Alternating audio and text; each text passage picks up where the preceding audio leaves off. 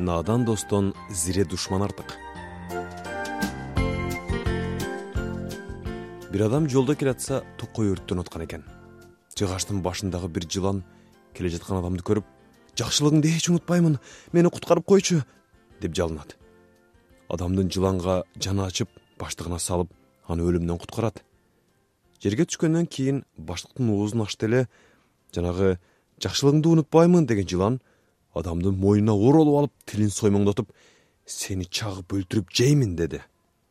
Сени мен өлүмдөн алып калып жакшылык кылбадым беле деген адам шашкалактап эмне кылаарын билбей калат. Жок адам уругуна жакшылык жок. Ошондуктан мен сени жейм.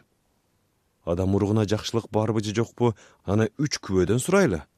Андан кийин мени макул жегин дейт айласы кеткен киши.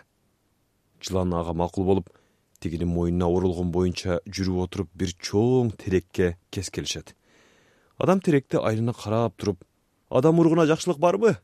деп сурайт. Адам баласына жакшылык жок. Адам мага да күн көргөзбөйт.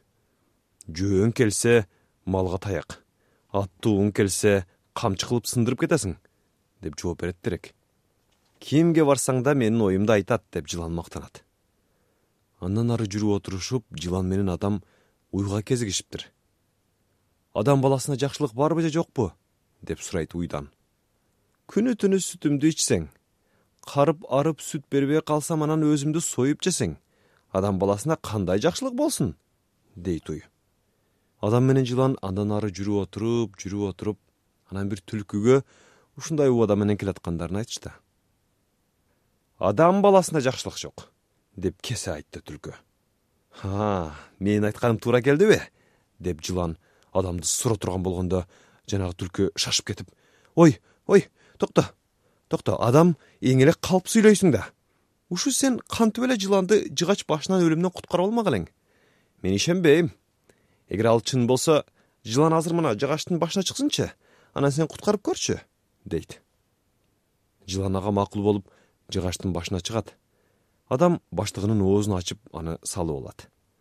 Эми баштыктан чыгарбай туруп өзүң билгениңди жаса деп түлкү өз жолуна түшкөн экен.